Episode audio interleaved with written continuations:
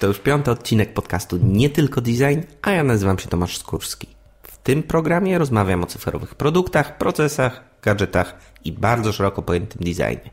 Dzisiaj moim gościem jest Michał Aleksander, który pracuje w międzynarodowym koncernie edukacyjnym i napisał ostatnio książkę Jak stać się lepszym projektantem UX. W odcinku porozmawiamy, jak wygląda praca projektantów w środowisku agile'owym, jakie korzyści wynikają ze współpracy z programistami i pokłócimy się o Luka Wróblewskiego. Rozmawiamy też sporo o budowaniu zespołów, edukacji i procesach rekrutacji. Zapis rozmowy i notatki do tego odcinka dostępne są pod adresem nie tylko.design ukośnik 005. Miłego słuchania. Cześć Michale. A... Cześć. E, miło Cię widzieć i słyszeć. A... I wzajemnie. Czy możesz się przedstawić, opowiedzieć, czym się obecnie zajmujesz, jak się nazywasz i skąd się wziąłeś w UX-ie? Skąd się wziąłem? Nazywam się Michał Aleksander i e, UX-em zajmuję się od prawie 7 lat. Mhm. E, początkowo projektowałem dla Allegro. Od e, ponad roku e, jestem w Pearsonie, gdzie em, stworzyłem i zajmuję się zespołem projektantów UX. Mhm. Mm, Pearson to jest firma, która o tyle różni się od Allegro, że skupia się głównie na druku, natomiast ma kilka takich e, mini firm, które są przeciągami te- technologicznymi. Między innymi taka firma jest właśnie w Poznaniu. E, Pracuje tam w tej chwili prawdopodobnie ponad 150 osób, e, coś koło tego, więc można powiedzieć, że to jest średniej wielkości firma, w której staramy się robić UX. Świetnie. A Ty skąd się wziąłeś w UX-ie? Bo, zanim, zanim zacząłeś pracować y, w Pearsonie, pracowałeś w Allegro, Tak. a o ile mnie pamięć nie myli, i sprawdziłem to jeszcze oczywiście na Twoim LinkedInie w, wczoraj, bądź przedwczoraj, a skończyłeś studia dziennikarskie. Tak, y, w ogóle w tym czasie, kiedy y, kończyłem studia i myślałem o swojej karierze zawodowej, byłem święcie przekonany o tym, że będę dziennikarzem. E, Z gazetami miałem do czynienia już od szkoły e, średniej, gdzie współpracowałem z lokalnym dziennikiem. dziennikiem. E, Na studiach uderzałem do bardziej wojewódzkich gazet, gdzie starałem się też złapać więcej doświadczenia. W miarę mi się to podobało. No ale im bardziej byłem z, bliski skończenia studiów, tym bardziej wiedziałem, że to nie jest ten kierunek, w którym chcę iść. E, takim wydarzeniem, które wtedy najbardziej chyba odcisnęło się na tej decyzji, to była praca w jednym dzienniku wrocławskim, w którym zobaczyłem, e, że dziennikarstwo takie w praktyce mocno się różni od tego, co sobie wyobrażałem, czyli od, od, od szukania tematów, od robienia fajnych rzeczy, a bardziej jest to walka o czołówkę, e, nie zawsze powiedzmy Fair. nie zawsze fair i e, w tej gazecie wytrzymałem jakieś trzy tygodnie, doszedłem do wniosku, że moja psychika na pewno nie powinna być spaczona takim miejscem. Najpierw dziennik i próba pracy w, we Wrocławiu. A później przeprowadzka do Poznania, e, dostanie się do Allegro w momencie, kiedy ta firma miała wtedy chyba około 150 osób, czyli podobnie jak Pearson teraz, kiedy tak naprawdę nie było potężnie ukształtowanej struktury. To znaczy wszyscy się znali, rozmawiali ze sobą nazywając się po nikach e, allegrowych. Em, Nie było obcych osób, z którymi się pracowało i, i była taka rodzinna atmosfera, którą e, myślę, że mocno e, wprowadzał Ian Packer, e, który, się wtedy, który wtedy Allegro zarządzał. No i tam Struktura, jak zgaduję, była też pewnie relatywnie płaska, bo przy 150 osobach ciężko, żeby to było nadmiernie rozbudowane. No to był rok 2005, czyli już prawie 10 lat temu. E, 10 lat temu, więc e, no, sporo się zmieniło w tym czasie. E, Wtedy w Allegro raczej e, nie miałem na początku kwestii związanych z UX-em. Bardziej moja praca szła w kierunku bezpieczeństwa i przestępczości internetowej, co było dosyć ciekawe. Natomiast wtedy były duże możliwości migracji wewnętrznej. E, W zależności od tego, co Cię interesowało, powiedzmy, w czym byłeś dobry, byłeś w stanie skorzystać z szansy i wylądować w zupełnie innym dziale e, i da, dawać firmie trochę więcej, e, bo zajmujesz się tym, co Cię na przykład bardziej interesuje. No i tak trafiłem do zespołu projektantów użyteczności, który powstał i który składał się na początku bodajże z czterech osób. E, natomiast dawał szansę osobom, które interesowały się optymalizacją, użytecznością, które w jakiś sposób rozumiały albo wyczuwały ten temat, dawał szansę tego, żeby stać się projektantami i wesprzeć e, projekt od tej strony. Mhm. No i tak trafiłem do zespołu projektantów, w którym byłem jakieś 6 lat. Strasznie długo, tak. Strasznie długo. Zespół mocno się rozwijał. W tej chwili nie jestem pewien, ale być może jest nawet około 20 osób. E, no dosyć fajnie, fajnie to wszystko wyglądało, jeżeli chodzi o wsparcie zespołu. Na początku pracowaliśmy w Waterfallu, e, więc specyfika była zupełnie inna, a później w momencie, kiedy został wprowadzony Scrum i zostaliśmy przydzieleni konkretnych obszarów zespołów, to wtedy to stało się bardziej dynamiczne. Generalnie było sporo pracy. E, robiąc króciutką dygresję, e, widzę teraz, że Allegro często poszukuje projektantów mobile UX. E, czy w Twoim odczuciu w ogóle takie rozróżnienie na projektantów, którzy się zajmują aplikacjami czy tam serwisami desktopowymi i mm, takich projektantów, którzy się specjalizują w mobilu, jest y, sensowne, czy raczej mimo wszystko bardziej powinniśmy iść w stronę, że to, mm, że tak naprawdę my zajmujemy się medium, a interfejs jest, y, bądź touchpoint jest wtórny? Właśnie teraz się zastanawiam, z czego to może wynikać, czy to chodzi o doświadczenie w produktach e, mobilnych, które e, przyspieszy proces adaptacji do mhm. danego projektu, bo różnica między mobilem a, a, a desktopem to tak naprawdę mm, to są standardy, to są jakieś style to są przypadki użycia. Jakieś minimalnie inne interakcje, dodatkowe przyciski bądź ich brak. No, trochę, trochę sobie nie wyobrażam, żeby ktoś potrafił zaprojektować aplikację mobilną, a nie miał świadomości, e, jak zrobić stronę internetową na przykład. E, wydaje mi się, że to, jest, są na tyle mocno powiązane. Mimo wszystko użytkownik ma dotrzeć do produktu różnymi ścieżkami. Mhm. Więc dobrze było mieć świadomość i wiedzę. Jak się, jak się projektuje produkt, a nie jak się projektuje, projektuje tylko aplikację mobilną. Czy na konkretne typy platform. Więc, hmm. Być może tutaj chodzi o, o kwestię doświadczenia i szybkość adaptacji. Okej. Okay. Zgaduję. Nie, brzmi bardzo prawdopodobnie. Swoją drogą ja nie mam takiego e, religijnego stosunku do Wróblewskiego, a mam wrażenie, że na tym, e, na tym wczorajszym spotkaniu w Xbook Clubie tak bardzo mocno to wyglądało, że tutaj Luke Wróblewski powiedział to, Luke, Luke Wróblewski powiedział tamto.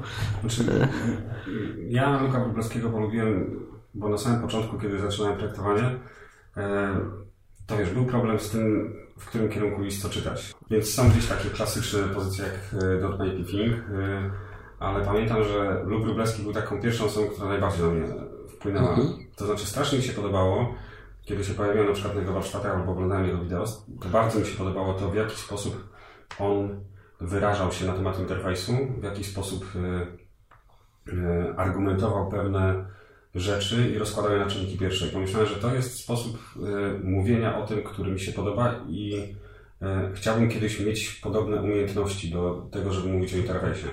E, zgadzam się z Tobą, że on absolutnie wybitnie jest wybitnym komunikatorem. Ja sobie myślę o Luku Wróblewskim, który też w dużej mierze podąża za pewnymi modami w branży UX. Tak uważam, mhm. bo y, najpierw to były formularze, potem to było mobile, potem to były startupy, a teraz jak Luke sprzedał startup, to już nic nie musi robić. Teraz tylko, e, teraz tylko, e, teraz tylko może. Nie, no, wiesz, z drugiej strony, kiedy ja zaczynałem pracować jako projektant, no to desktop, desktop był czymś, co było takim dogmatem. Nie? Jak ktoś przychodził i mówił, ok, tym razem zajmiecie się tym i tym, no to każdy po prostu odpalał czurę i wiedział, że będzie robił coś desktopowego. Ale wiesz co, dla mnie Wróblewski jest rodzajem takiego, mm, takiego agregatora. To jest taki trochę uksowy Max, Malcolm Gladwell, czyli że on sam z siebie, mam wrażenie, relatywnie niewiele bada, nie, bardzo niewiele projektuje, ale zbiera te rzeczy przez to, że uczestniczy w dużej liczbie konferencji i dużo czyta i ma prawdopodobnie, myślę, że ma researcherów, bo nie jesteś w stanie przetworzyć, będąc zwykłym, normalnym człowiekiem, aż tyle, zwłaszcza uczestnicząc w tylu społecznych eventach. Eee, ale że, właśnie on się zajmuje tym zbieraniem i taką kondensacją i też jeśli chodzi o komunikację, to jest doskonałe sprzedawanie mm. tez i wizji, ale ale... No tylko, że wiesz, wydaje się, że w naszej branży ludzie potrzebują kondensacji, bo książek jest tyle, sporo książek ma po, nie wiem, 300-500 stron. Jak nawet patrzę na te książki, które masz u siebie w pokoju i teraz znajdź kogoś, kto zaczyna pracę jako projektant i powiedz mu, to, to jest wiedza, którą powinieneś wchłonąć. No to musiałby się zamknąć i czytać te książki w ogóle nie zdobywać doświadczenia przez pierwsze pół roku, żeby w ogóle starać się chociażby zrozumieć to, o czym, to, o, o czym w tych książkach ktoś chciał napisać. Ale, ale ja uważam, że tak to powinno wyglądać, wiesz? Ja uważam, że ludzie, zanim, zanim się zabiorą za projektowanie, najpierw powinni zacząć myśleć, a bez tych bezpiecznych, minimalnych podstaw yy, nie powinni się za to zabierać. Tak jak się zgadzamy, że Axure, Xpin, Balsamic yy, to są tylko narzędzia, ale podstawowe jest, żeby mieć dobry ten kościec i te podstawy mieć hmm. w odpowiedni sposób u, y, odpowiedni sposób y, ugruntowane, a dopiero potem y, próbować coś projektować i coś robić. Najpierw zrozumienie, co z czego wynika. Oczywiście praktyka też jest bardzo hmm. ważna i na kolejnych etapach jest wszystkim, ale zdobycie i wiedza na temat tych podstaw też jest cholernie istotna. Tu się zgadzam, natomiast bardziej mi chodzi o to, że jak pamiętam siebie z drugiego roku e, projektowania, na przykład z trzeciego, e, to tych książek było tak dużo, że ciężko było e, wyczuć, która książka powinna być w jakiej kolejności. I często było tak, że te książki sprzedawały jakiś konkretny koncept albo jakąś taką dawkę wiedzy, potężną dawkę wiedzy, z której no, nie byłeś w stanie skorzystać w 100% swojej pracy, więc to gdzieś tam punktowo wyskakiwało w formie wiesz, wiedzy, którą mieli zebraną, zebraną wcześniej. E, natomiast bardziej mi chodzi o to, że tych książek jest tak dużo, że ciężko zrobić sobie samodzielnie przed rozpoczęciem e, w ogóle jakiego, jakiejkolwiek styczności praktycznej z projektowaniem, ciężko w ogóle sobie ustawić na przykład ścieżkę, że przeczytam na przykład, nie wiem, te 10 książek w takiej kolejności i, i będę gotowy do tego, żeby odpalić Aczura. Mhm. E, wydaje mi się, że w ogóle ludzie teraz mają trochę trudniej, jeżeli chodzi o projektowanie UX, bo mimo, że są szkoły, e, mimo, że są kierunki dedykowane do tego, to tak naprawdę chyba nawet e, o, o tym wspomniałeś, że tutaj e, może być bardziej takie uniwersyteckie podejście, mhm. że uczysz się teorii, żeby później zacząć mm, mm, wchodzić w świat praktyki. Nie wiem, czy to jest ok. Nie wiem, czy to jest dobre i bezbolesne wejście w projektowanie.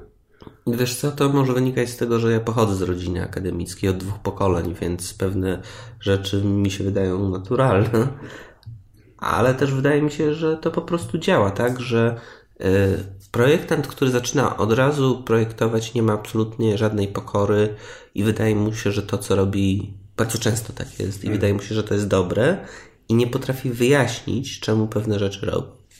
Oczywiście czasem się zdarza, że to jest, y, że ma genialną intuicję albo ma po prostu dar, który pozwala mu mm, odpowie odpowiednie mm, rzeczy projektować, które są w dobry sposób robione, ale hmm. czym innym jest dar, a czym innym jest wiedza poparta doświadczeniem. Wiesz, e, kierunek e, strony książek o UX-ie jest jak najbardziej czymś oczekiwanym od osoby, która chce zacząć projektować. To jest Wiesz, to jest źródło wiedzy, książki, blogi, cokolwiek. Mhm. Natomiast wydaje mi się, że takim najlepszym sposobem na wejście do takiego praktycznego projektowania jest znalezienie firmy, która szuka praktykantów, a z drugiej strony ma już e, wyżłobione takie mocne kolejny, po których jak się wejdzie do takiej firmy, to czy byś chciał, czy byś nie chciał, to po prostu idziesz w kierunku zdobywania wiedzy w odpowiednim kierunku. Idąc za ciosem, e, czy Pearson szuka stażystów? E, Pearson szuka stażystów, uh-huh. ale mam na myśli w ogóle firmy duże, w których e, są zespoły UX-owe, które istnieją od wielu lat, gdzie, gdzie są wypracowane jakieś metody, zasady, jakiś sposób funkcjonowania i wydaje mi się, że wtedy wsparcie nauki teoretycznej uh-huh. takim stażem to może być coś, co maksymalnie może przyspieszyć jeżeli ktoś wykorzysta ten czas, może maksymalnie przyspieszyć e, złamanie tego progu wejścia. W swojej książce po, po części napisałeś, jak, jak wyobrażasz sobie, jak wygląda, e, jak wygląda e, idealny flow projektowy. Mhm. A natomiast ciekawi mnie, jak ten flow obecnie wygląda w projektach, które realizujecie w Pearsonie. Pytam o to dlatego, bo staram się dowiedzieć, rozmawiając z różnymi ludźmi, jak to wygląda w startupach, jak to wygląda w administracji publicznej, jak to wygląda w korporacjach, jak to wygląda w korporacjach, które zmieniają swoje podejście do UX-ów, bo uważam, że z tego można się bardzo wiele dowiedzieć o firmie i też podpatrzeć pewne triki bądź pewne sztuczki, jakie można mhm. realizować. Yy, więc tak, jeżeli chodzi o Pearsona, to yy, po pierwsze trzeba wziąć pod uwagę, że nasz zespół jest dosyć młody. To jest rok czasu, może mniej, kiedy funkcjonujemy razem i kiedy tak naprawdę to jest więcej niż jedna osoba. Pierwsze miesiące, które nas spędziłem, to było tak, że ja byłem jedyną osobą zajmującą się UX. E, po paru miesiącach doszły kolejne i, i w sumie nagle zaczęliśmy tworzyć zespół. I to był moment, kiedy musieliśmy dojść do wniosku, jak funkcjonować e, wewnątrz firmy. I to też dotyczyło między innymi e, tego, w jaki sposób powinniśmy podchodzić. Jedną z takich istotniejszych rzeczy, które dotyczą procesu projektowego, to jest to, że staramy się robić wszystko w parach. Ja jestem przeciwnikiem tego, żeby projektant zgadywał, co może być dobrym rozwiązaniem, żeby sam generował jakieś pomysły i sam je rewidował, bo nie jest tego w stanie zrobić w sposób obiektywny, w miarę wartościowy dla projektu. Więc staramy się pracować razem i po zebraniu takich wymagań biznesowych, które spadają do nas od product zderzamy się jeszcze ze światem technologicznym. E, czyli nie myślimy sobie o tym, w którym kierunku pójdziemy projektowo, ale rozpoczynamy generowanie jakiejś idei, które później na warsztatach na przykład z deweloperami staramy się zderzyć z jakimiś ograniczeniami technologicznymi. Myślę, że jest wiele przy, przypadków, kiedy jesteś w stanie wybrać nieco inne rozwiązania UX-owe. Stawiam, że na 10 rozwiązań UX-owych 8 się sprawdzi, e, jedno będzie super, a jedno totalnie będzie fatalne, ale to wszystko później można przetestować. E, natomiast często z punktu widzenia technologii produktów, które istnieją dłużej, E, to Twoja decyzja UX-owa może mieć no, dosyć potężny wpływ na to, jak długo będzie się realizować zadanie, które Ty za, zaprojektowałeś.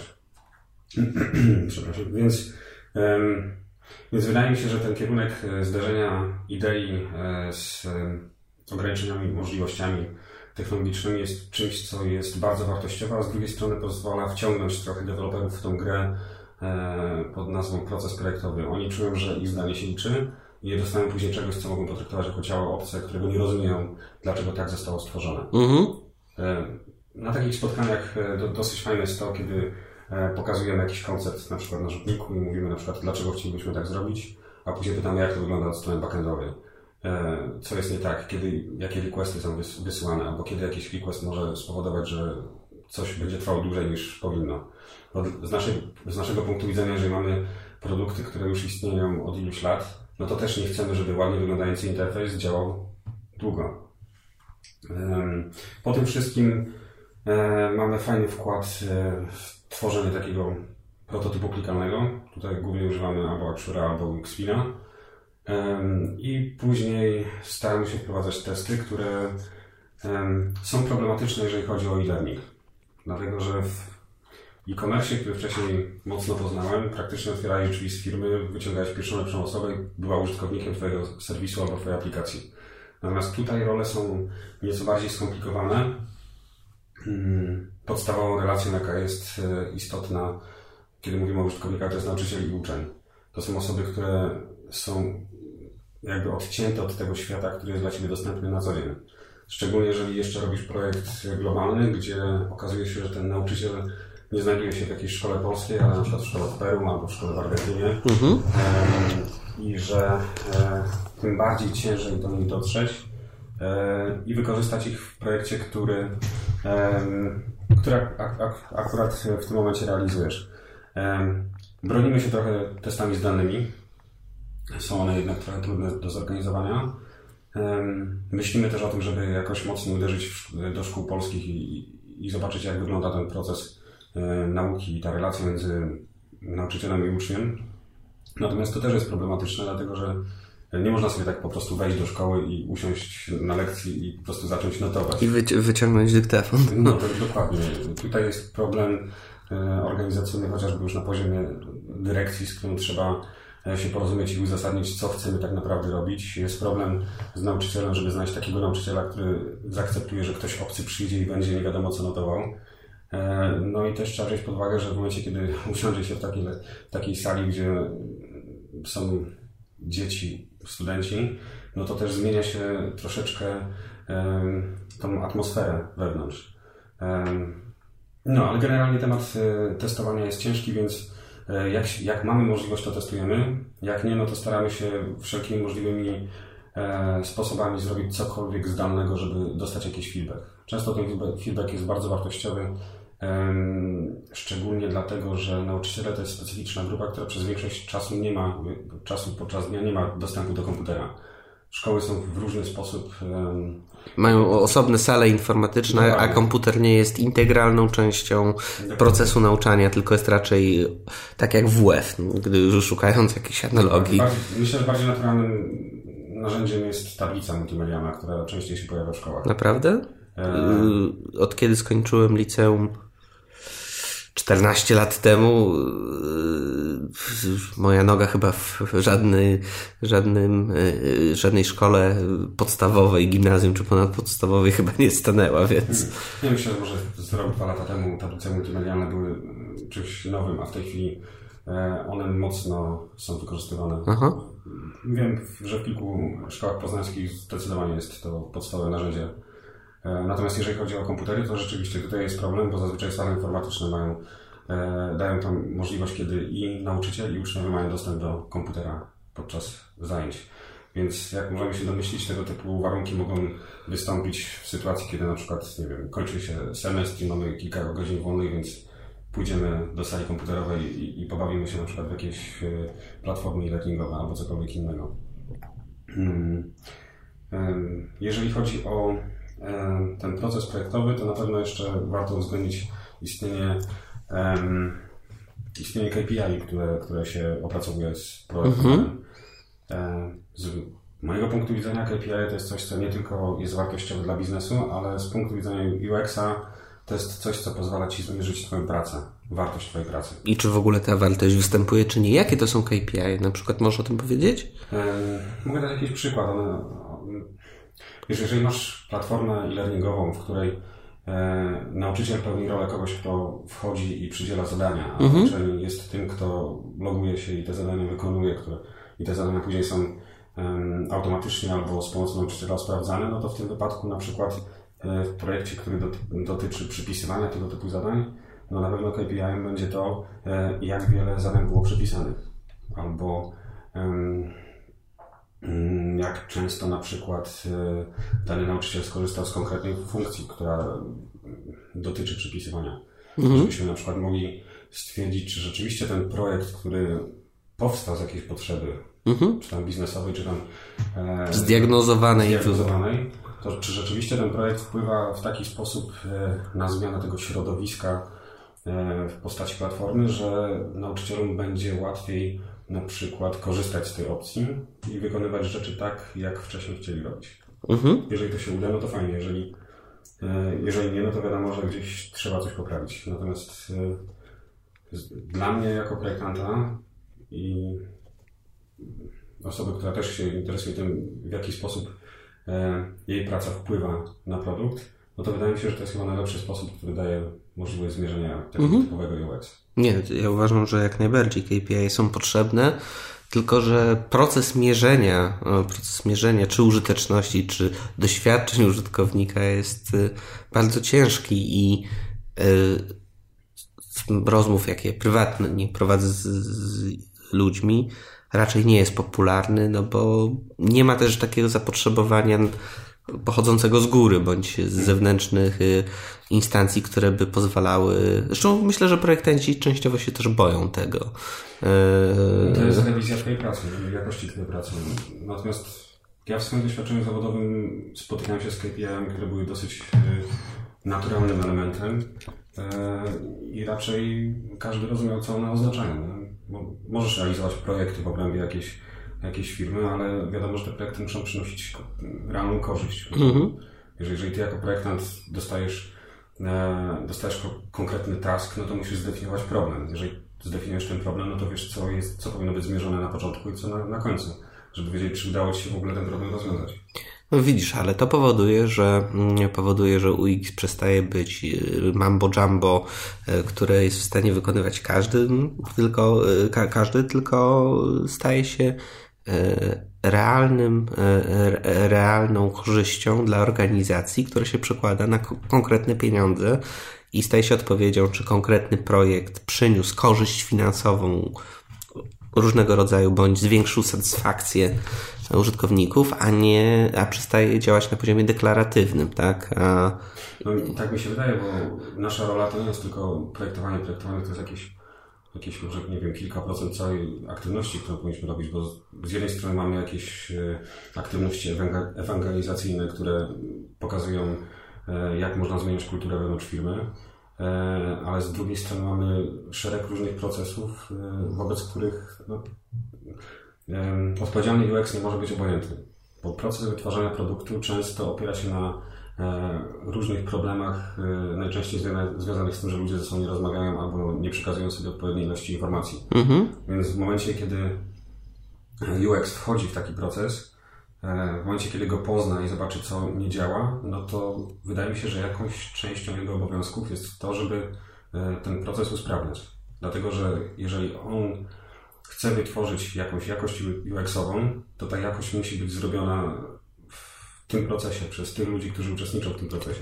Jasne. E, natomiast zastanawiam się, no dobra, a co w sytuacji, kiedy KPI -e związane z satysfakcją e, użytkowników bądź czasem, który mają poświęcać na, nie wiem, na, e, na przydzielanie tych zadań, używając tej, tej, tego jednego z przykładów podanego przez Ciebie, nie zostaje spełniony. Co wówczas? Co wówczas? E, twoja, twoja rola zmniejsza się? Czy jest to argument i dowód, że argument i dowód, że UX niekoniecznie ma zawsze znaczenie? Wiesz, projekty w różny sposób się kończą źle. E, mm, natomiast e, z tego co widzę, to najczęstszą reakcją firm na tego typu sytuacje to jest spotkanie i porozmawianie o tym, czego się nauczyliśmy z porażki. Czasami różne są wnioski, które płyną z tego typu spotkań. Nie zawsze to są wnioski, które wpływają na to, jak będziemy pracować -hmm. później. Natomiast jest to jakiś taki rytuał kończenia e, pracy nad jakimś projektem. Niezależnie od tego, czy projekt e, upadł, bo został zamknięty przed e, tym, jak został zakończony, czy po prostu skończył się failem. Więc wydaje mi się, że to jest coś, co najczęściej można spotkać w firmach. Okej. Okay. Chciałem Ciebie podpytać też trochę jeszcze o szczegóły tego procesu, który, e, który, e, który realiz realizujecie.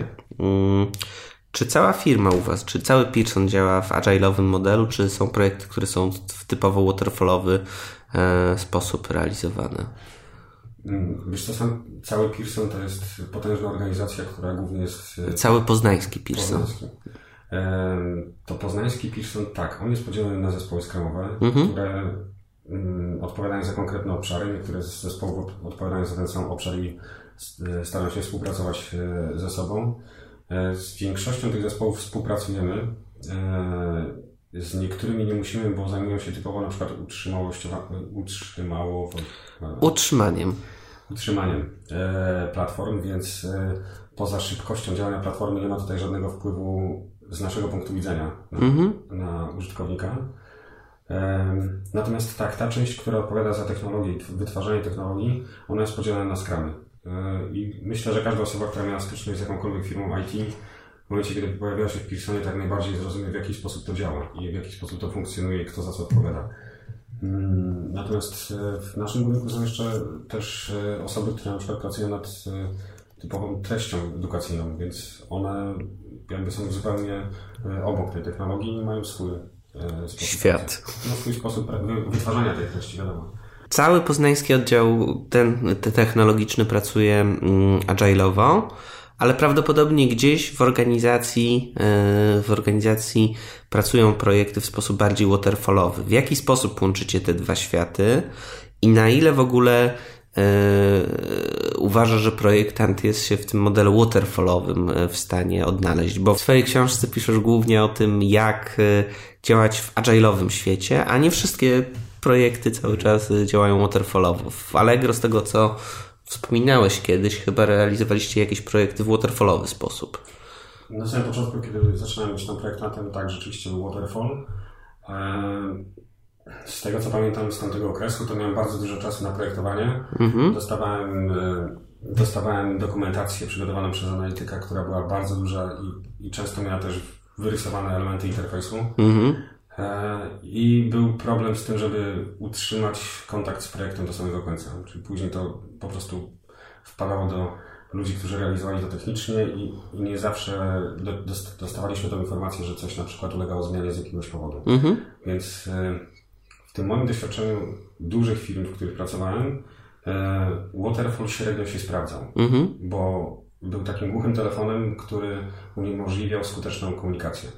E, dlatego, jeżeli chodzi o duże firmy, to wydaje mi się, że Scrum może bardziej być bardziej efektywny do takiej współpracy, kiedy e, łączysz ludzi o różnych umiejętnościach i, jednak ten przepływ informacji jest znacznie lepszy, bo w obrębie zespołów skramowych ten przepływ informacji jest całkiem dobry. Problem mm -hmm. się pojawia w momencie, kiedy na przykład nie wiem, product owner przychodzi i nie, nie przekazuje odpowiedniej ilości informacji, albo kiedy projektant UX, UX rzuca e, e, jakiś projekt i nie wyjaśnia, dlaczego to jest zaprojektowane tak albo nie inaczej. Nikt nie rozumie, dlaczego mają robić to w taki sposób. Wtedy pojawiają się jakieś problemy. Natomiast y, Scrum jest zdecydowanie po to, żeby usprawnić komunikację wewnątrz dużych struktur. Mhm. Natomiast Waterfall podejrzewam, że gdybym miał większe doświadczenie w małych firmach albo w startupach, to Waterfall bardziej by mi się e, przydał do takiej codziennej pracy i byłby sensowniejszy. Natomiast e, no ja przede wszystkim jestem nauczony podejścia e, agile'owego i wydaje mi się, że jest ono skuteczne, chociaż bardziej skuteczny, chociaż wiadomo, że narzuca na projektanta więcej obowiązków, które dzieją się teraz, kiedy musisz reagować w danym momencie i kiedy musisz szybko coś zaplanować. Nie, nie ma po prostu czasu na to, żeby E, przewidzieć sobie wszystkie możliwe zdarzenia i, punkt po punkcie je realizować, tylko no, trzeba być czujnym. A to oznacza też większy kontakt z zespołem, czyli usprawnienie komunikacji. A jak wychodzi to łączenie tych dwóch światów? Masz jakieś doświadczenie, jak to można łączyć? Bo często jest też tak, według moich obserwacji, że zespoły deweloperskie pracują agile'owo, natomiast y, przy rozwijaniu produktów, a nie przy realizowaniu projektów, Natomiast cała reszta organizacji pracuje waterfallowo i wówczas y, łączenie tych dwóch światów może być, y, może być pewnym wyzwaniem, tak? Że y, nie wiem, na przykład organizujesz jakieś testy jakichś interfejsów, nie na poziomie UX-owym, tylko na poziomie technologicznym i, czasem ciężko jest to reszcie organizacji zrozumieć. Hmm, znaczy ja jeszcze nie miałem takiego doświadczenia e, z takimi częściami Pearsona, żeby stwierdzić, że rzeczywiście mają tam waterfall. Mhm. Być może gdzieś te obszary e, biznesowe albo te, które do nas nie docierają bezpośrednio, być może one są w taki sposób e, skonstruowane, jeżeli chodzi o logikę działania. Natomiast e, te miejsca, z którymi e, my mieliśmy styczność jako zespół, mhm. to zawsze było spotykanie się z zespołami skramowymi. E, jeżeli chodzi o osoby pracujące nad konkretnymi projektami. Więc czy to była na przykład Argentyna, czy to, e, czy to były, był Urugwaj, czy to było Peru, no to zawsze po drugiej stronie byli deweloperzy, którzy byli, byli zgrani ze sobą w formie takiego skramu, który, co też bardzo mnie cieszyło, rozumiał czym jest na przykład mhm. pakieta e, i czym jest klikalny prototyp, albo jaka jest rola UX-a, przynajmniej, e, przynajmniej z tego co widzę, sporo osób w organizacji mniej więcej już wcześniej została wyedukowana w ten sposób. Nie wszystkie, nie wszystkie oczywiście obszary, natomiast e, jest miłe, jeżeli po raz pierwszy łączysz się z zespołem i, i oni wiedzą, czego się mogą od Ciebie spodziewać. Wraz z tym, jak realizujecie kolejne sprinty, kolejne projekty i wykazujecie, że wasz dział jest faktycznie potrzebny, prawdopodobnie rośnie zapotrzebowanie na wasze usługi i wasze potrzeby. I moje pytanie jest, e, w jaki sposób przydzielane są do was kolejne projekty? Czy to spada z góry? Mm, ja od początku e, starałem się postawić na dobrą relację z product ownerami, osobami, które e, reprezentują biznes, e, czy to w Poznaniu, czy, e, czy bezpośrednio w UK, dlatego że to są osoby, które mają pierwszą, są pierwszym punktem kontaktu, które potrafi Ci przekazać informacje, będziemy się czymś zajmować. I dla mnie to było o tyle istotne, że na dużo przed rozpoczęciem jakichkolwiek oficjalnych prac nad projektem dostawałem informację, czym będziemy się zajmować. Mhm. Przez to, że wiedza w dużych organizacjach jest mocno rozproszona i tutaj, jeżeli mamy tak trudnych użytkowników, to czasami poza zwykłymi testami zdalnymi, no to być może warto byłoby na przykład przejechać się do ludzi, którzy chodzą do szkół i sprzedają te podręczniki. Tak też zrobiliśmy, zrobiliśmy z nimi warsztaty i dowiedzieliśmy się wszystkiego, e, co padało podczas takich społeczności. O, o, o to jeszcze chcę zapytać, więc spokojnie. Natomiast mhm. zastanawiam się po prostu, czy już w tym momencie macie w organizacji proces, który zakłada na którymś etapie angażowanie projektantów bądź działu UX, czy, czy, czy dopiero coś takiego się wykuwa, czy jest to obligatoryjne, czy jest to opcjonalne? To już jest i to jest fajne, dlatego że nawet jeżeli pojawia się gdzieś na horyzoncie projekt e, i pojawia się informacja o budżecie, to e, jest informacja o tym, że będzie potrzebny ktoś do projektowania interfejsu i będzie potrzebny ktoś do, do projektowania graficznego, więc to też nie jest tak, że musimy się wbijać i, i pokazywać, że my tutaj chcemy coś zrobić dobrego, tylko rzeczywiście być może nie we wszystkich e, zespołach to rozumienie, kim jest projektant UX, jest jeszcze rozumiane w taki sposób, jak powinno. E, natomiast e, to też nie jest tak, że my musimy walczyć o te projekty, tylko ludzie wiedzą, że będziemy, będziemy w nich uczestniczyć. Okej. Okay. Mm, a jak to wygląda od budżetowej y, strony, jeśli mogę zapytać? Nie chodzi mi o koszty explicite, tylko w jaki sposób to jest rozliczane? Czy, bo zarówno działy deweloperskie, jak i E, jak i projektanci, działy marketingu są zwykle centrami kosztowymi, a nie miejscami, które przynoszą realne, e, realne dochody. I w jaki sposób jest wewnątrz waszej organizacji to działa? No tak ogólnie mówiąc, każdy projekt ma swój budżet mhm. i ten budżet zatrudnia ludzi, którzy mają realizować e, dany projekt. To dotyczy też ludzi UX-owych. Mhm. Natomiast ponad tymi projektami jesteśmy takim zespołem, który e, może mieć różne źródła budżetowania, natomiast e, organizacyjnie jest skupiony w jednym miejscu. Mhm. Czyli innymi słowy, a wasze poznańskie centrum kosztowe, tak? E, rozlicza się na poziomie, który być może się dzieje poza wami odnośnie wynajmowania tych ludzi do e, tych poszczególnych sprintów bądź tych poszczególnych projektów. Jeżeli mówimy, jeżeli mówimy o samym, samym zatrudnieniu, to tak, natomiast wszelkie kwestie związane z, organiz- z organizacją takiego zespołu, czy funkcjonowanie takiego zespołu to jest też osobny, osobna kwestia. Je, jasne. W jaki sposób też budujesz tą wiedzę, e, budujesz tą wiedzę, że posiadacie dział UX i w jaki sposób budujecie informacje o tym, e, jak możecie pomóc? Bo widziałem i na Facebooku i dostałem od Ciebie też materiały promocyjne i bardzo mi się one podobały, bo e, było widać, że staracie się wybudować kulturę i wiedzę wewnątrz organizacji e, poprzez e, promocję materiałów marketingowych. Czy możesz o tym coś więcej opowiedzieć? Yy, jasne. Tutaj myślę, że kluczowe jest stwierdzenie strategia UX. Jeżeli mamy zespół, który ma realizować projekty UX-owo, no to to nie jest tylko zaangażowanie się w same projekty, ale to jest też samoorganizacja, organizacja zrozumienie własnej roli i określenie, co my tak naprawdę chcemy robić. My zrozumieliśmy na samym początku e, to, że jest strasznie dużo pracy do wykonania, żeby ludzie zrozumieli, że my w ogóle jesteśmy, jak można z nami współpracować i czego można się po nas spodziewać. E, to jest jeden z takich podstawowych poziomów dojrzałości UX-owej firmie, kiedy trzeba się mocniej postarać o ewangelizację, żeby wyjaśnić ludziom, E, jakieś pojęcia, które dla Ciebie mogą być oczywiste, ale przez brak tej wiedzy ogólnie możesz mieć problem, żeby skutecznie współpracować.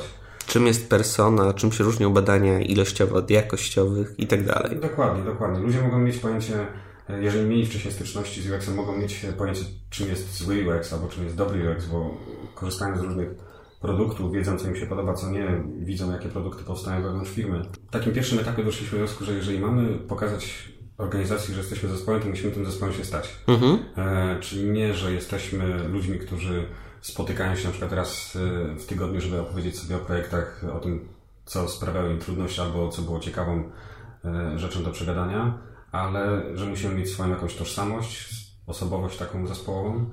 E, więc było wiele czynności, które mogą się wydawać takie trywialne dosyć, ale one nam strasznie pomogły, jak na przykład zaprojektowanie własnego logotypu albo zaprojektowanie plakatów, na których widać było, gdzie jesteśmy, gdzie siedzimy, jak się z nami skontaktować, z takim prostym stwierdzeniem, że jeżeli robisz coś dla użytkownika, coś, co użytkownik zobaczy, to wcześniej daj nam cynk, my Ci pomożemy. Mieliśmy takie sytuacje, kiedy na przykład rozmawiałem z programistą i mówił, że miał zadanie, nad którym siedział, e, miał je poprawić backendowo, ale wiedział, że interfejsowo też wymagało ono dopracowania. E, z tym, że nie do końca wiedział, jak może się z nami skontaktować, mimo że siedział na tym samym piętrze. Więc wtedy pomyślałem sobie, ok, dobrze, być może warto byłoby e, w tych miejscach, gdzie ludzie, którzy zmieniają produkt, siedzą, gdzie oni siedzą, po prostu wywiesić tego typu plakaty, żeby dać im taką prostą ścieżkę, żeby nie, odezwali się nie wiem, na Skype'ie, na, na Slacku, na czymkolwiek, czy mailowo chociażby. Albo najlepiej, żeby przyszli i powiedzieli, że będą coś robić.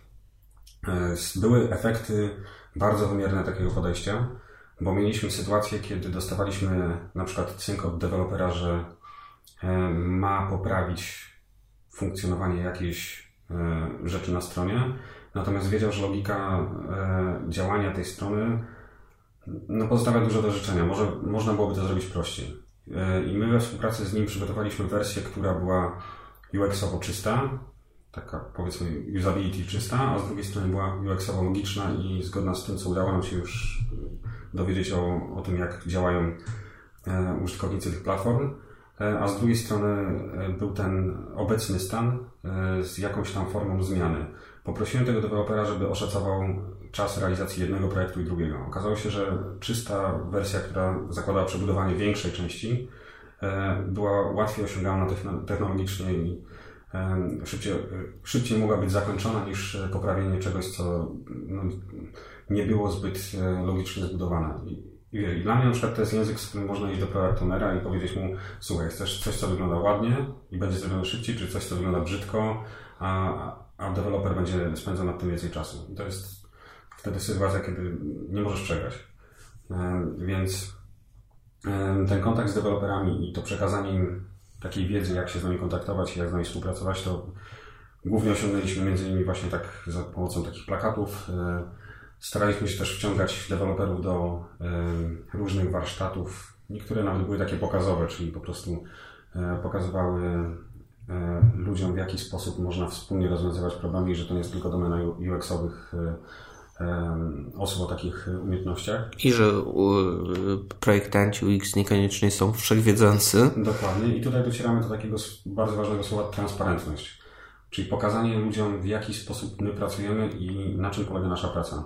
Bo w momencie, kiedy wrzucasz do zespołu czystą makietę, nawet jeżeli będzie klikalna, fajna, to ktoś może nie zrozumieć, jaki proces poprzedził zrobienie tej makiety.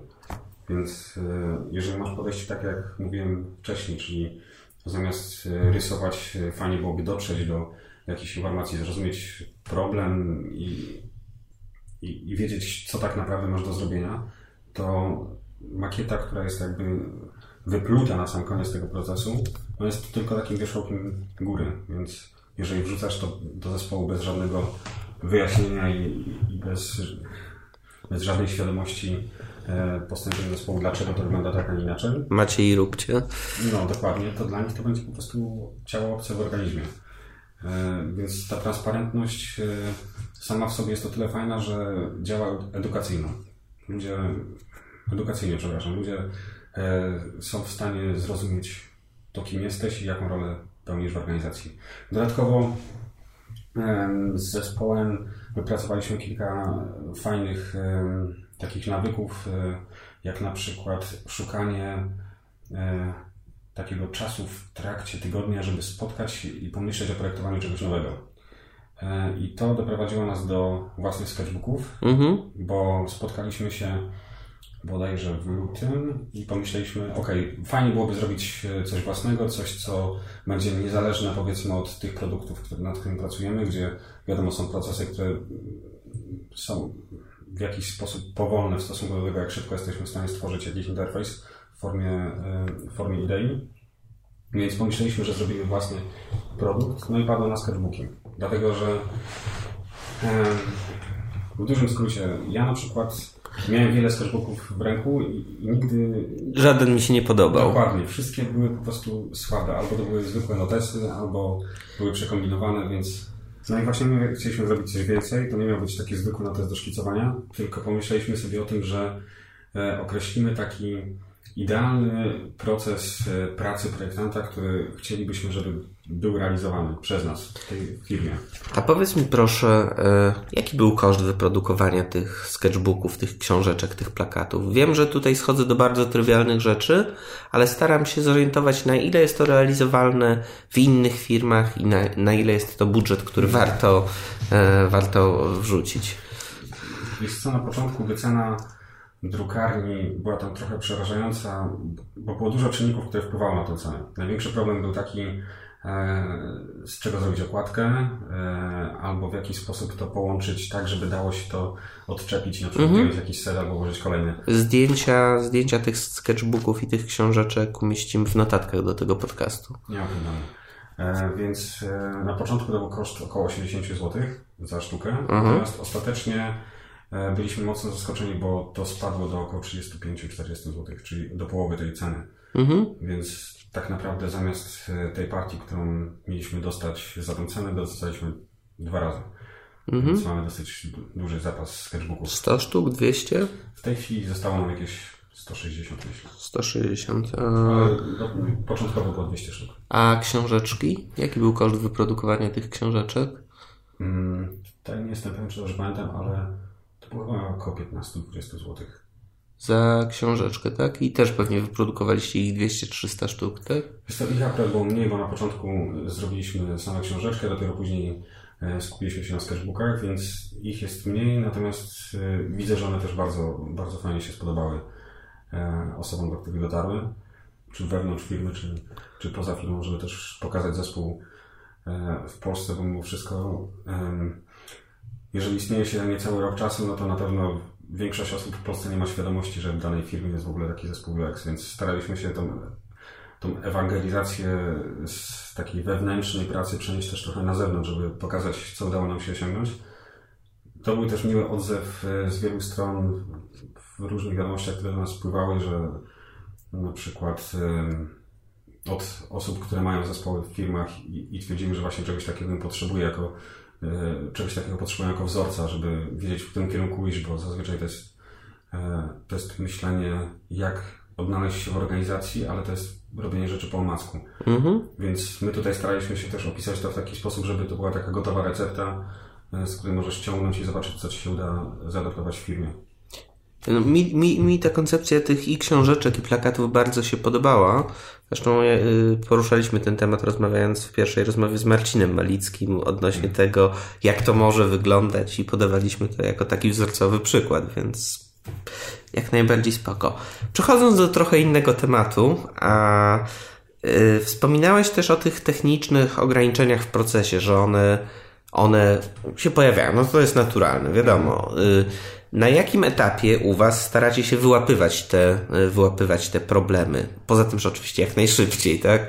Mhm. Interesuje mnie, kiedy się dzieje ta sytuacja, że następuje ta rozmowa pomiędzy deweloperem a y, projektantem. Świetną rzecz zaprojektowaliście, ale nie ma do tego żadnych sensownych frameworków i to będzie rzeźba w glinie, zanim uda się y, to zrobić. Tak, ja może zacznę od tego, że E, kiedyś doświadczyłem takiej sytuacji, kiedy zaprojektowałem coś, co okazało się, że jest ciężko wykonalne i wtedy też zauważyłem, że czasem proste zmiany interfejsu mogą niesamowicie ułatwić pracę deweloperom, e, więc zacząłem mocno wierzyć w to, że warto ich wciągać możliwie jak najszybciej. Czyli w praktyce, jeżeli wpada do nas jakiś e, projekt, który mamy się zająć, ustalamy sobie staramy się po prostu wytworzyć jakiś pomysł, jakieś idee w oparciu o dane, które są dostępne. Czyli po prostu kompletujemy informacje. Trochę to jest takie jak zbieranie przez dziennikarza informacji o jakimś wydarzeniu, żeby później e, być przygotowanym i żeby zrobić coś dobrze i właściwie, żeby zadać odpowiednie pytania. Ale to w trakcie sprintu zero robicie, czy... Dostajemy cynk dużo wcześniej, zanim się, e, zanim zespoły się zajmą tą robotą. Mhm. Więc e, ta informacja to jest nie tylko to, co będzie robione, ale też przez kogo.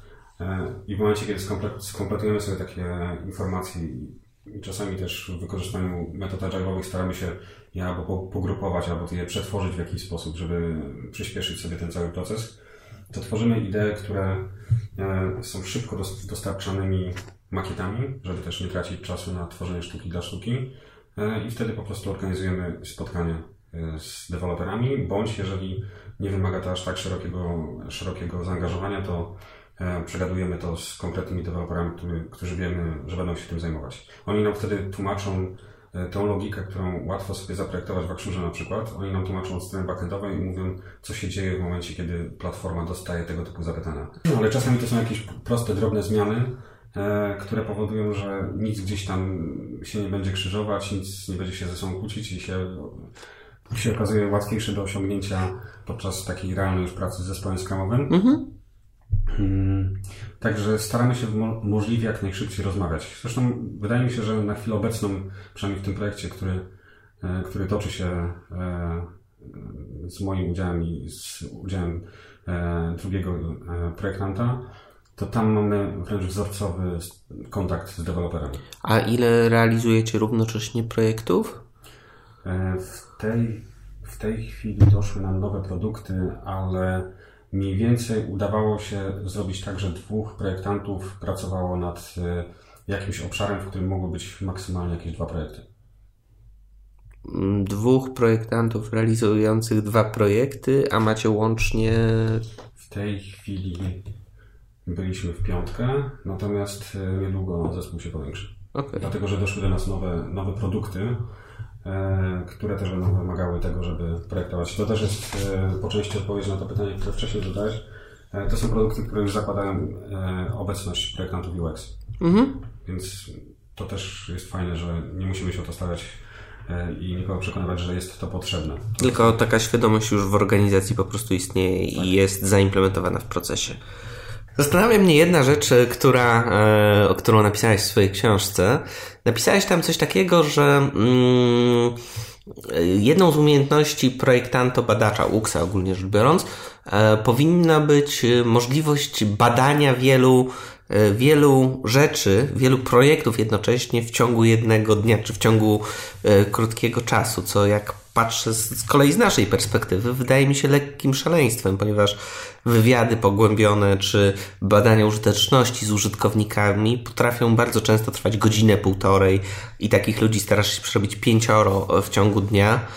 A, I jak sobie myślę o tym, że jeszcze miałbym się switchować pomiędzy wieloma, e, pomiędzy wieloma projektami jednocześnie, no brzmi to jak kompletne szaleństwo. Tutaj bardziej to zależy od tego, o jakiej wielkości projektach mówimy i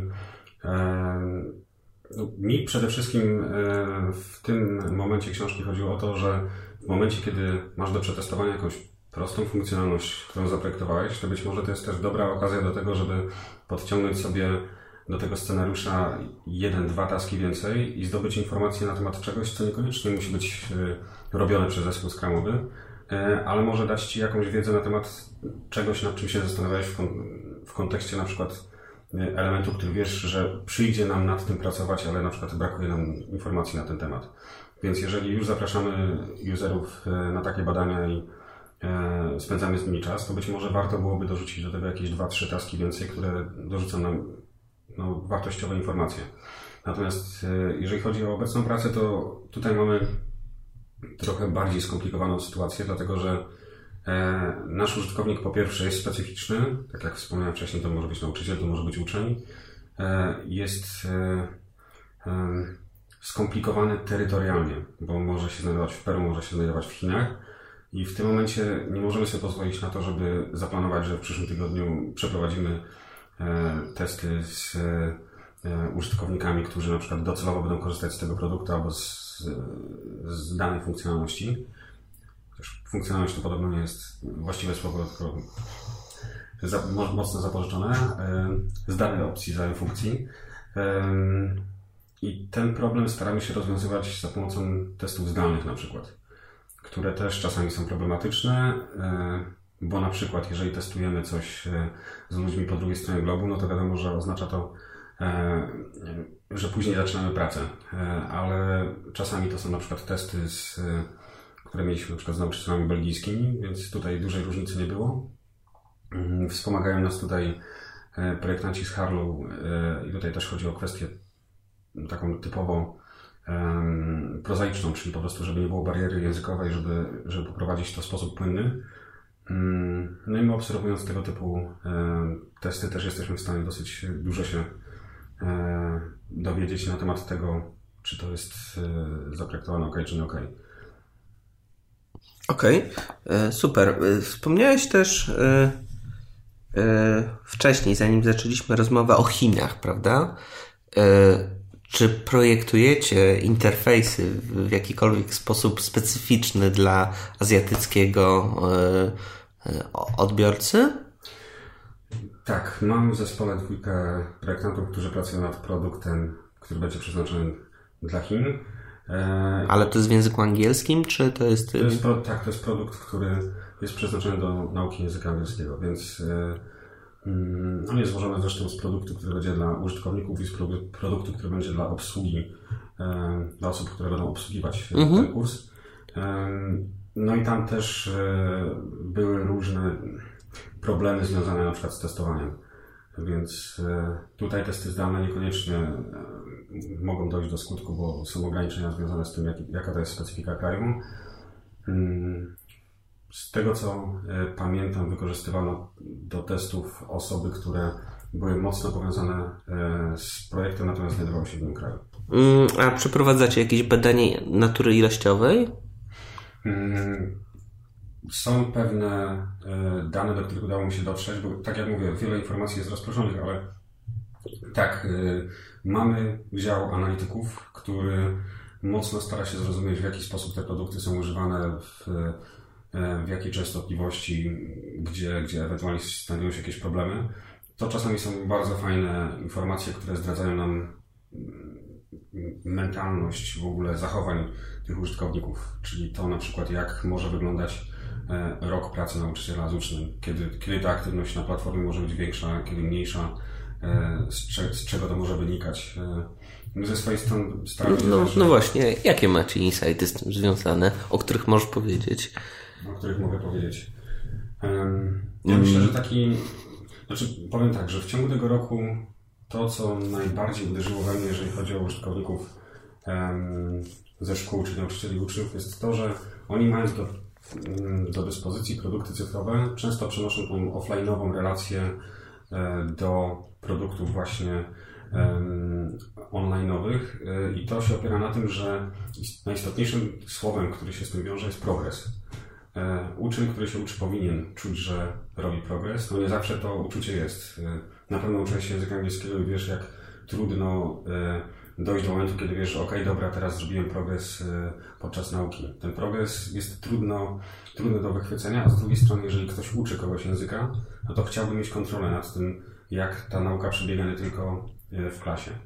Więc nawet jeżeli chodzi o taką czystą logikę użycia tych produktów, to bardzo mocno widzę, że um, um, pojawia się ta relacja taka typowo e, z klasy, kiedy uczeń po prostu ma dostać zadanie domowe albo ma dostać przypisane jakieś rzeczy, które, którymi się zajmie poza klasą, a nauczyciel jest tym, który po prostu to zleci, a później sprawdzi oceny. Mhm. E, I to jest obudowane bardzo dużą ilością różnych takich drobnych elementów, jak na przykład e, umiejętność odczytania, co się tak naprawdę wydarzyło w tej relacji. Czyli na przykład, czy jeżeli ten uczeń spędził czas e, na x zadaniach, czy rzeczywiście dało się z tego wyczytać, jakie ma problemy, albo że, czy zrobił jakiś progres. Więc, więc to jest taki chyba największy insight, że nie możemy myśleć o tym, że w tym produkcie cyfrowym nauczyciel staje się inną osobą, która e, reaguje w inny sposób i używa innej logiki. To jest raczej po prostu przerzucenie przeciągnięcie tego, co się dzieje w klasie e, na taką relację nie bezpośrednią, natomiast opartą na tej samej logice. Wspominałeś o tym, że macie też dział customer supportu, tudzież sprzedawców, którzy, który realnie u Was działa i który jest dla Was jakimś sensownym źródłem wiedzy. Pytam o to dlatego, bo staram się znaleźć podobieństwa. My mamy przedstawicieli handlowych, którzy na przykład jeżdżą po różnych warsztatach i którzy E, są realną kopalnią wiedzy odnośnie tego, jacy nasi klienci są, a i w jaki sposób funkcjonują i jakie mają realne bolączki, których w inny sposób by nie przekazali. Jak to wygląda u Was? E, customer Service e, jest u nas taki zespół. Jest coś innego niż to, o czym mówisz, ale oni też dla nas są źródłem wiedzy. Są ludzie, którzy mają kontakt z użytkownikami, którzy zgłaszają się z jakimś problemem. Co ciekawe, tego typu wiedzę też można wykorzystać do tworzenia KPI. Mhm. E, kiedy rozwiązujemy jakiś problem, na przykład najczęściej zgłaszany, ale to już inna historia.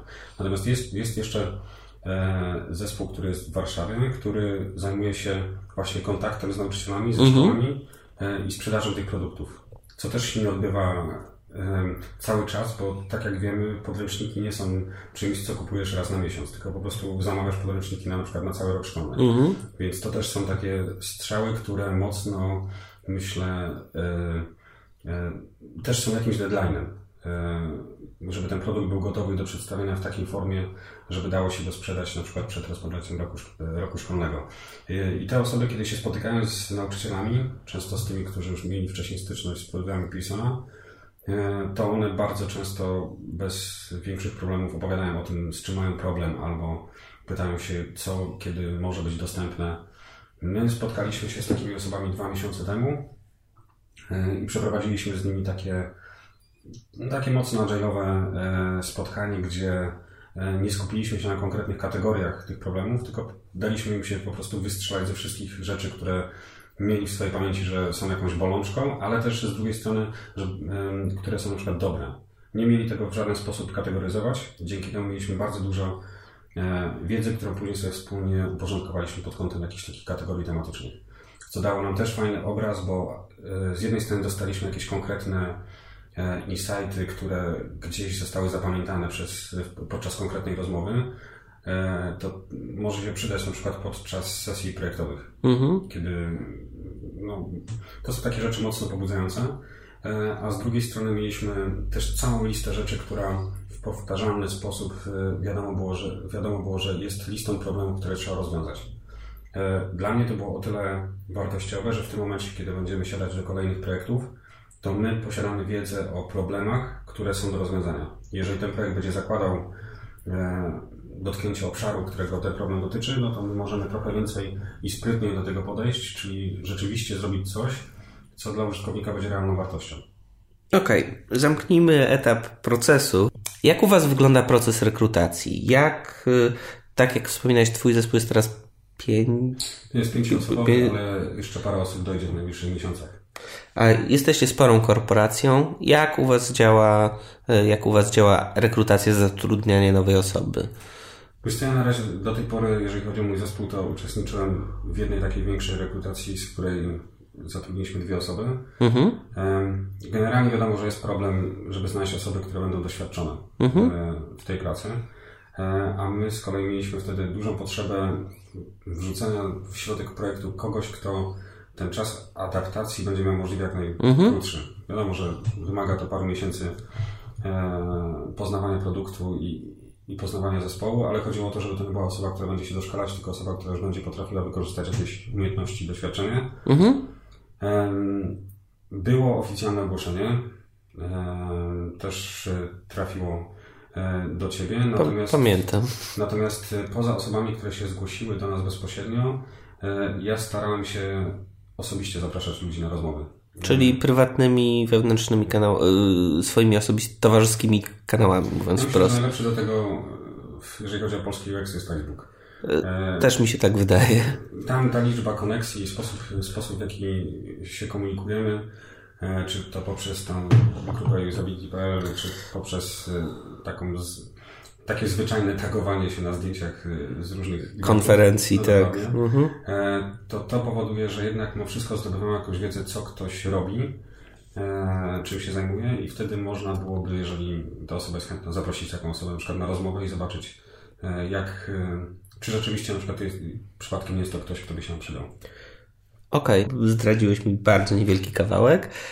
E, ofertę układałeś ty, układał dział HR. O ona się zaczyna od, od nas konkretnie. Mhm. Czyli my sprawdzamy, jaki jest projekt, e, jakie jest zapotrzebowanie, określamy, kogo dokładnie potrzebujemy, Mamy, znaczy to też jest jedna rzecz, którą wypracowaliśmy sobie w zespole, jest fajna. Mamy opisane różne poziomy doświadczenia łącznie ze skillami, z wiedzą. Ile macie takich poziomów? U nas są trzy w tym momencie. U nas są trzy. Czy na razie generalnie wszyscy mają tą samą nazwę stanowiska, natomiast pewnie będziemy też nad tym pracować. Czyli junior, normal, senior, jak zgaduję. No tak, bo to taki... no tutaj u nas jest problem taki, że tego typu gradacja ona nie istnieje na przykład. Mhm. E, tam jest jedna nazwa stanowiska. Interaction Designer, tak? Tak. Ona też, uważam, że ta nazwa też jest do zmiany, bo nie do, nie do końca odpowiada temu, czym my się tak de facto zajmujemy. Kiedy my tutaj bardziej też uderzamy w jakieś procesy albo, albo zajmujemy się tematem o wiele szerzej niż tylko e, kwestia tworzenia interakcji, no to na pewno będziemy pracować nad tym, żeby to szło w stronę UX designera albo coś tego typu. No, ale mamy określone te trzy poziomy, które ułatwiają nam tworzenie ofert. Mhm. E, więc staramy się e, do działu HR dostarczyć coś, co będzie już gotową ofertą, którą wystarczy zrobić kopię w klej, żeby nie było przypadkiem jakiejś baboli z zapytaniem o język programowania albo coś tego typu. Okej. Okay. Mm, a co się dzieje potem? Co się dzieje potem? Rozmowa. Jak wygląda rozmowa? Jak wygląda rozmowa? No, a tej rozmowy oczywiście jestem między innymi ja. Jeżeli chodzi o sam przebieg rozmowy, to dla mnie najistotniejsze jest to, żeby zobaczyć w jaki sposób e, ktoś myśli i czy e, za jego pracą jako projektanta e, stoi jakiś ciąg przemyślanych, mhm. Przemyślanych decyzji, kroków.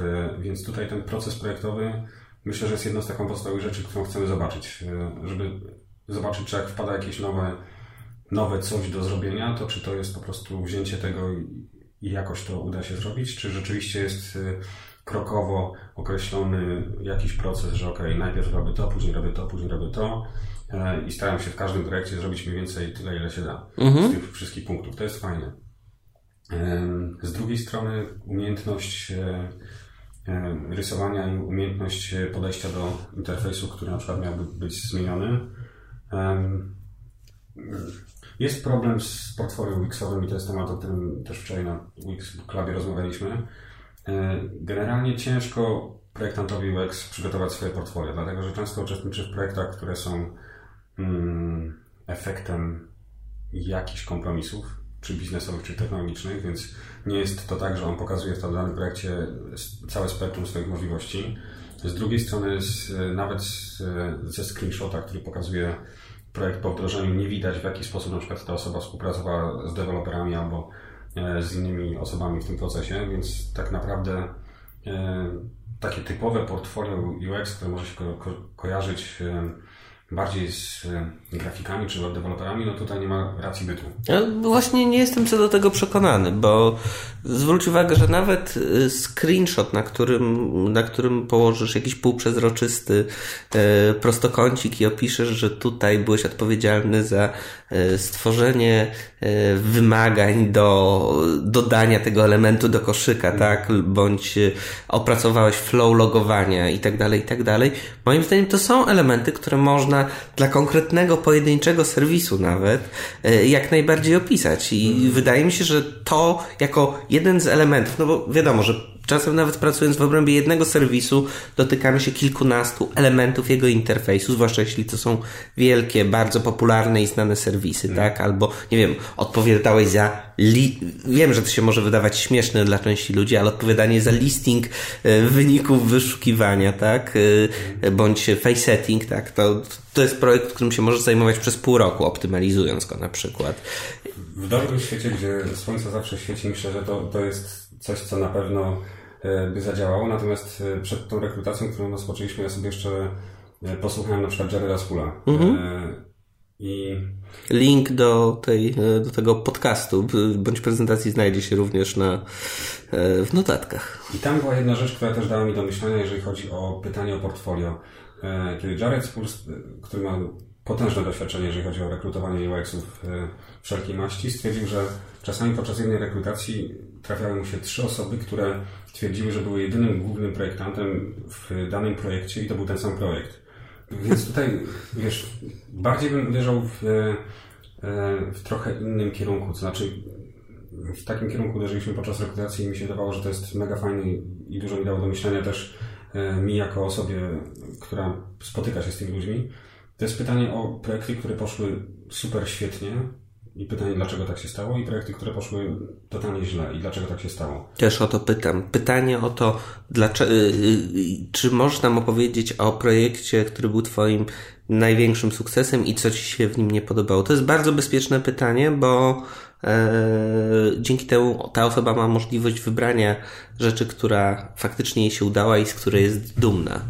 A i bardzo do, dobrze też filtruje ludzi, którzy nie mają na ten temat przemyśleń. Moim zdaniem no, oni powinni odpaść. Ja myślę, że kwestia tego właśnie, kto jakie ma przemyślenia, albo kto jakie ma wypracowane nawyki, to jest coś, co chyba najbardziej warto sprawdzać podczas tej rekrutacji.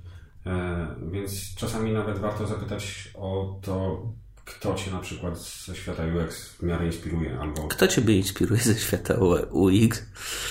Wcześniej mocno Wróblewski. A wcześniej, e, no tak, a kto poza tym? E, w ostatnim czasie e, Andrea Resmini. Mhm. E, miałem okazję porozmawiać sobie z nim na ostatniej konferencji w Lozannie i, i strasznie mi się podobały jego warsztaty, na których może nie było niesamowicie olśniewającej dla mnie wiedzy, ale cały czas gdzieś staram się też drążyć do tego, dążyć do tego zrozumienia, czym rzeczywiście jest to UX. E, jest strasznie dużo różnych definicji, e, czym rzeczywiście jest to UX po stronie użytkownika. I Andrea Resmini ma takie mocno chyba uniwersyteckie podejście do, do swojej pracy. I on miał dużo takich dosyć ciekawych, fajnych stwierdzeń, które współgrały z tym moim, moją nieufno, nieufnością do zgadywania rozwiązań mhm. interfejsowych. I mi się na przykład podobało to, jak podczas warsztatów stwierdził, że jest wielu projektantów, którzy na przykład budzą się rano i nagle dostają iluminacji, że już wiedzą, jak rozwiązać zadanie w pracy. Idą do pracy, realizują to i super, są zadowoleni.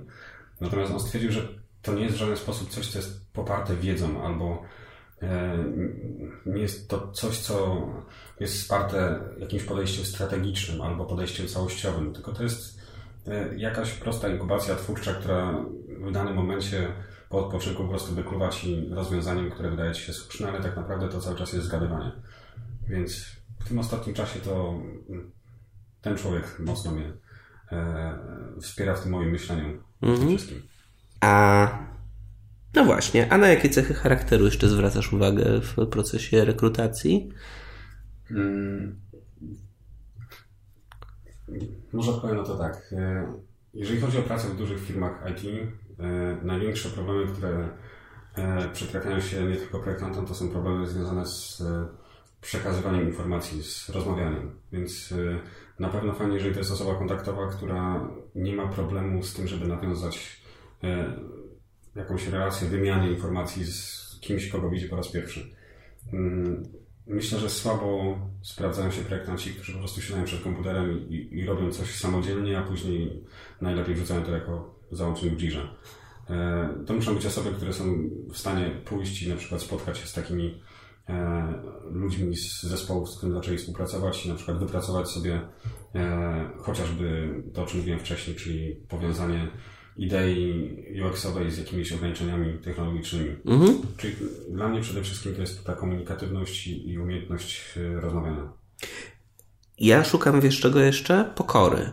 Pokory y, jako tego, że y, osoba, z którą rozmawiam, wcale nie jest przekonana, że jej rozwiązanie jest najlepsze, tylko że to, co proponuje, jest jednym ze sposobów podejścia do problemu, ponieważ często jest też tak, że projektanci są bardzo egotyczni i są przekonani o tym, że to, co zaprojektowali, jest najlepsze, ale nie potrafią tego, e, tego poprzeć wiedzą. I... Ja myślę, że to przede wszystkim zdarza się na samym początku, kiedy projektanci, bo też przeżyłem taki etap, kiedy projektanci traktują swoją makietę albo swój prototyp jako takie dziecko, które muszą bronić przed całym światem. Ale z deweloperami jest dokładnie tak samo, więc. Hmm. Wydaje mi się, że to przechodzi w miarę upływu czasu i, i z czasem makieta przestaje być tym centrum uwagi, a, a bardziej chodzi o to, żeby projekt skończył się sukcesem i, i żeby przedstawia jakąś realną wartość. Także ja na przykład, w, jak pracuję w parach, nie mam żadnego problemu z tym, żeby, żebyśmy na przykład, żeby jedna osoba zaczęła coś robić, a druga na przykład, jeżeli będzie miała lepszy pomysł, pociągnęła to dalej albo coś zmieniła. Mhm. Nie wiem, nikt u nas się nie obraża na takie rzeczy i od początku staraliśmy mieć takie jasne zasady, że dążymy do najlepszej jakości, a nie do tego, żeby wrzucić sobie to po prostu w formie screenshota do portfolio. Mhm. A w jaki sposób w ogóle rozwijacie wiedzę w zespole? Jeżeli chodzi o konferencję, to każdy ma możliwość wyboru w miarę przysługującego mu budżetu e, tego, gdzie chce pojechać. Natomiast staramy się jednak wspólnie, to, to, to mi się bardzo podoba, jako zespół zaplanować jakieś e, krótkie e, wyprawy razem. Mhm. Na przykład Product Camp w tamtym roku. W tym roku prawdopodobnie wszyscy będziemy na Wódz Silesia. Dlatego, że to są takie mocno nieformalne wyjazdy, gdzie, e, gdzie nie musimy myśleć o projektach, e, które realizujemy, gdzie możemy rzeczywiście znaleźć się w miejscu, które będzie mocniej rozluźniające, typu na przykład projekt Camp nad morzem. Super, fantastycznie sobie usiąść nad morzem i, i, i pomyśleć, że jutro nie muszę e, zająć się kolejnym zadaniem, tylko po prostu pójdziemy i sobie pogadamy z Maćkiem Saganowskim. No, to jest na pewno komfortowa sytuacja. Maćku, pozdrawiamy. Maćku, pozdrawiamy. Więc to jeżeli chodzi o e, konferencje. Jeżeli chodzi o szkolenia, e, to tak, e, mamy możliwość robienia szkoleń wewnętrznych. Na razie skorzystaliśmy ze szkoleń, które wyniknęły z tego, o czym rozmawiałem z zespołem po Product Campie. Oni byli mocno zainteresowani tym, żeby prędzej czy później też poprowadzić na przykład jakieś warsztaty albo zrobić jakąś prelekcję, co jest bardzo fajne i fajnie, że pojawili się na Product Campie i zobaczyli jak to działa od wewnątrz e, na tym naszym rynku lokalnym, żeby bo efektem tego było to, że zauważyli, że oni też są w stanie, są w takich kompetencjach, że są w stanie wyjść i na przykład poprowadzić e, mhm. tego typu spotkania. To było fajne, ale oczywiście jeżeli e, mają wyjść i zrobić to dobrze, no to przydałoby mi się, przydałoby mi się jakiś koniec prezenta- autoprezentacji mhm. albo sprowadzenia tego typu wystąpień. No i coś takiego zorganizowaliśmy jakiś czas temu. Całkiem fajnie było ocenione. E, jeżeli chodzi o taką wewnętrzną organizację w zespole, mm, to staramy się też e, wytworzyć pewne nawyki zespołowe. Czyli tak, e, mamy spotkania, gdzie tak jak na przykład Sketchbook, możemy sobie wymyślić jakiś projekt, który realizujemy przez jakiś czas, później robimy sobie przerwę i wrócimy do, wracamy do tego po jakimś czasie. Ostatnio zaczęliśmy robić UX Book Cluby. Mhm. Wewnętrzne. Wewnętrzne. E, do które ogólnie zapraszamy też osoby z zewnątrz. E, z zewnątrz, w sensie z zewnątrz zespołu, ale z wewnątrz firmy. Mhm. E, no i w tej chwili mamy zaangażowane około 5-6 osób, które się pojawiają, tak, mhm. które chcą czytać i widać, że się interesują jak są, mimo że siedzą w innych zespołach. Mhm. Więc to też jest fajne. No to oczywiście też wymusiło w cudzysłowie to, żebyśmy stworzyli sobie własną fajną biblioteczkę. biblioteczkę. Ta biblioteczka jest w Creative Roomie, który mhm też tak patrząc na to w dosyć trywialny sposób, to jest po prostu miejsce, które jest naznaczone nami, więc ta nasza obecność w firmie też jest większa. Mhm. Um, I oprócz tego um, mamy takie różne inicjatywy, które bardziej wychodzą w trakcie, e, w, no, w praniu, czyli na przykład jeżeli dochodzimy do wniosku, że e, rzeczywiście musimy się zorganizować w jakimś temacie bardziej, to sobie organizujemy takie spotkania, na których e, omawiamy taką strategię zespołową. Niech, nie, unikam raczej tego, żeby coś narzucać w zespole, w sensie, że wymyślę sobie kierunek rozwoju i powiem, ok, teraz wszyscy idziemy w tym kierunku. Tylko raczej wypracowujemy to w taki sposób, to jest trochę też takie podejście jak e, w przypadku tych warsztatów z deweloperami. Wciągając ludzi w swoim zespole w tego typu decyzje, powoduje, że oni są bardziej zaangażowani, bardziej to rozumieją. Mhm. Mamy takie design catch-upy, gdzie przez godzinę albo półtorej każdy po kolei pokazuje, co udało się zrobić w ostatnim czasie. Z takim e, podejściem, jaki problem napotkałem, albo e, czy jest tu coś, co było na tyle ciekawe, że warto o tym opowiedzieć. Mhm. Jest to mocno budujące, szczególnie, że cały czas gdzieś tam z tyłu głowy mamy mm, pomysł tworzenia takich modułów logicznych, interfejsowych, które być może będą reużywalne w różnych produktach, mhm. które będą bardziej budowały doświadczenie użytkownika e, użytkownika marki, a nie tylko użytkownika danej platformy. E, więc w tym momencie, jeżeli stykamy się z różnymi produktami, no to to jest ten punkt styku, gdzie powinniśmy się czegoś takiego uczyć i być uważni, czy to nie jest ten moment, kiedy da się coś zastosować. E, Robimy to co tydzień i to jest spotkanie obowiązkowe, którego nie odpuszczamy. W jaki sposób inspirujesz ludzi poza czytaniem książek, poza rozmawianiem, co w danym tygodniu zrobiliście? W jaki sposób inspirujesz ludzi do dalszego rozwoju, do dalszej edukacji? Yy, tutaj są dwie rzeczy chyba, o których mogę tak mm, najbardziej powiedzieć. Po pierwsze, yy, co jakiś czas każdy, każdy z, z naszego zespołu może yy, nawet w formie pisemnej sobie po prostu opisać to, co mu nie pasuje i to w mhm. którym kierunku chciałby podejść, pójść dalej. I to później po prostu przerabiamy na taski. Zazwyczaj te rzeczy są po prostu bardzo racjonalne i bardzo realne i bardzo zrozumiałe z punktu widzenia kogoś, kto jest projektantem. Czyli to, to są rzeczy po prostu osiągalne, tylko po prostu jest kwestia czasu i kwestia starań.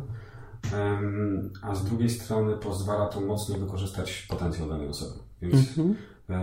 taką listę zazwyczaj przerywam na listę zadań, które są realizowane krok po kroku. To mogą być różne kwestie. To mogą być kwestie związane z tym, że na przykład nie wiem, nazwa mojego stanowiska mi odpowiada, albo powinniśmy mieć na przykład trzy stopnie, albo um, powinniśmy częściej się spotykać w zespole i na przykład, nie wiem, pracować na, nad jakimś tam tematem. Mhm. E, to są rzeczy, które po prostu wynikają z takich e, prostych potrzeb codziennych, które e, mogą powodować pewien brak, pewien niedobór. I my staramy się to dosyć znaczy generalnie widzę w zespole dużą chęć do tego, żeby realizować tego typu rzeczy, bo każdy widzi tego profit, bo, e, bo widać to, że chcemy się ze sobą spotykać.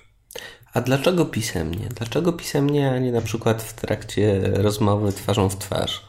Wiesz co, to nie jest tak, że tylko. Dlatego, że jak się spotykamy, to często jak zaczynamy o czymś rozmawiać, to to wiadomo, że tematy rozmów płyną w różnych kierunkach. Jak, my, jak widać. Dokładnie, dokładnie. To, co nie wiem, chociażby zaplanowałeś, jeżeli chodzi o kolejność tematów tego podcastu, to też bardzo się różni od tego, w którym kierunku to poszło. Ja też nie przypuszczam, ale to jest... No, nie, powiem Ci, że jest zaskakująco tak. mocno się trzymamy, tak, więc...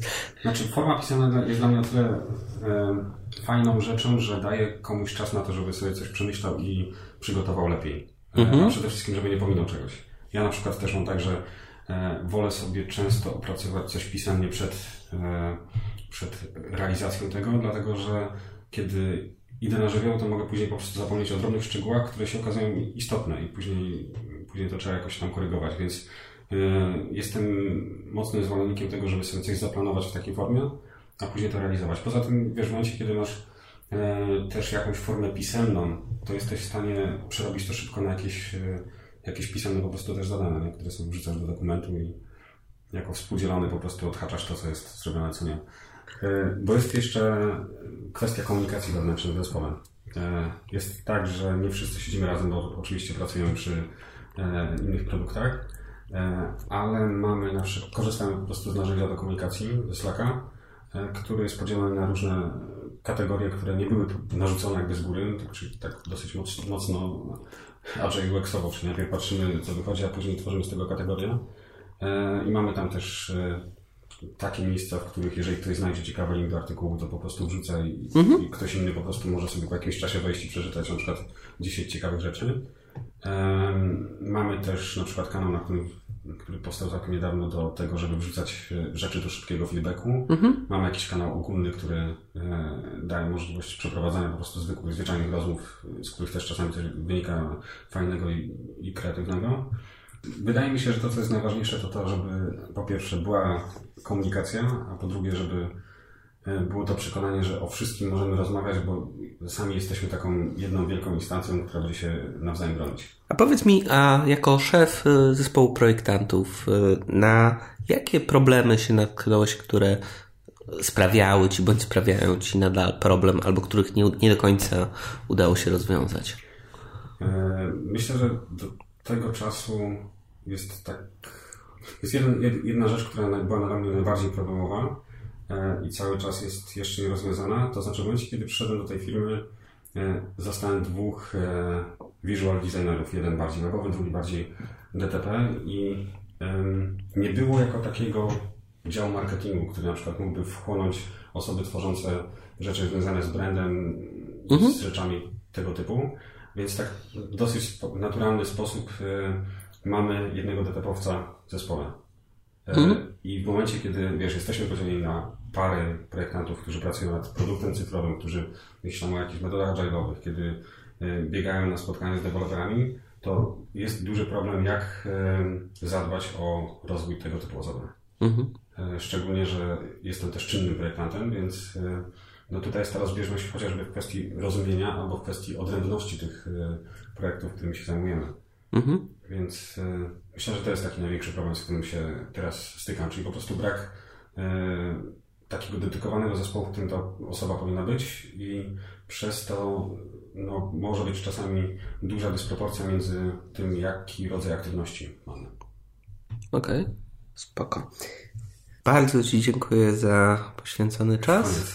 W tym odcinku to już wszystko. Zapis oraz notatki z rozmowy znajdują się pod adresem nietylko.design ukośnik 005. Do usłyszenia!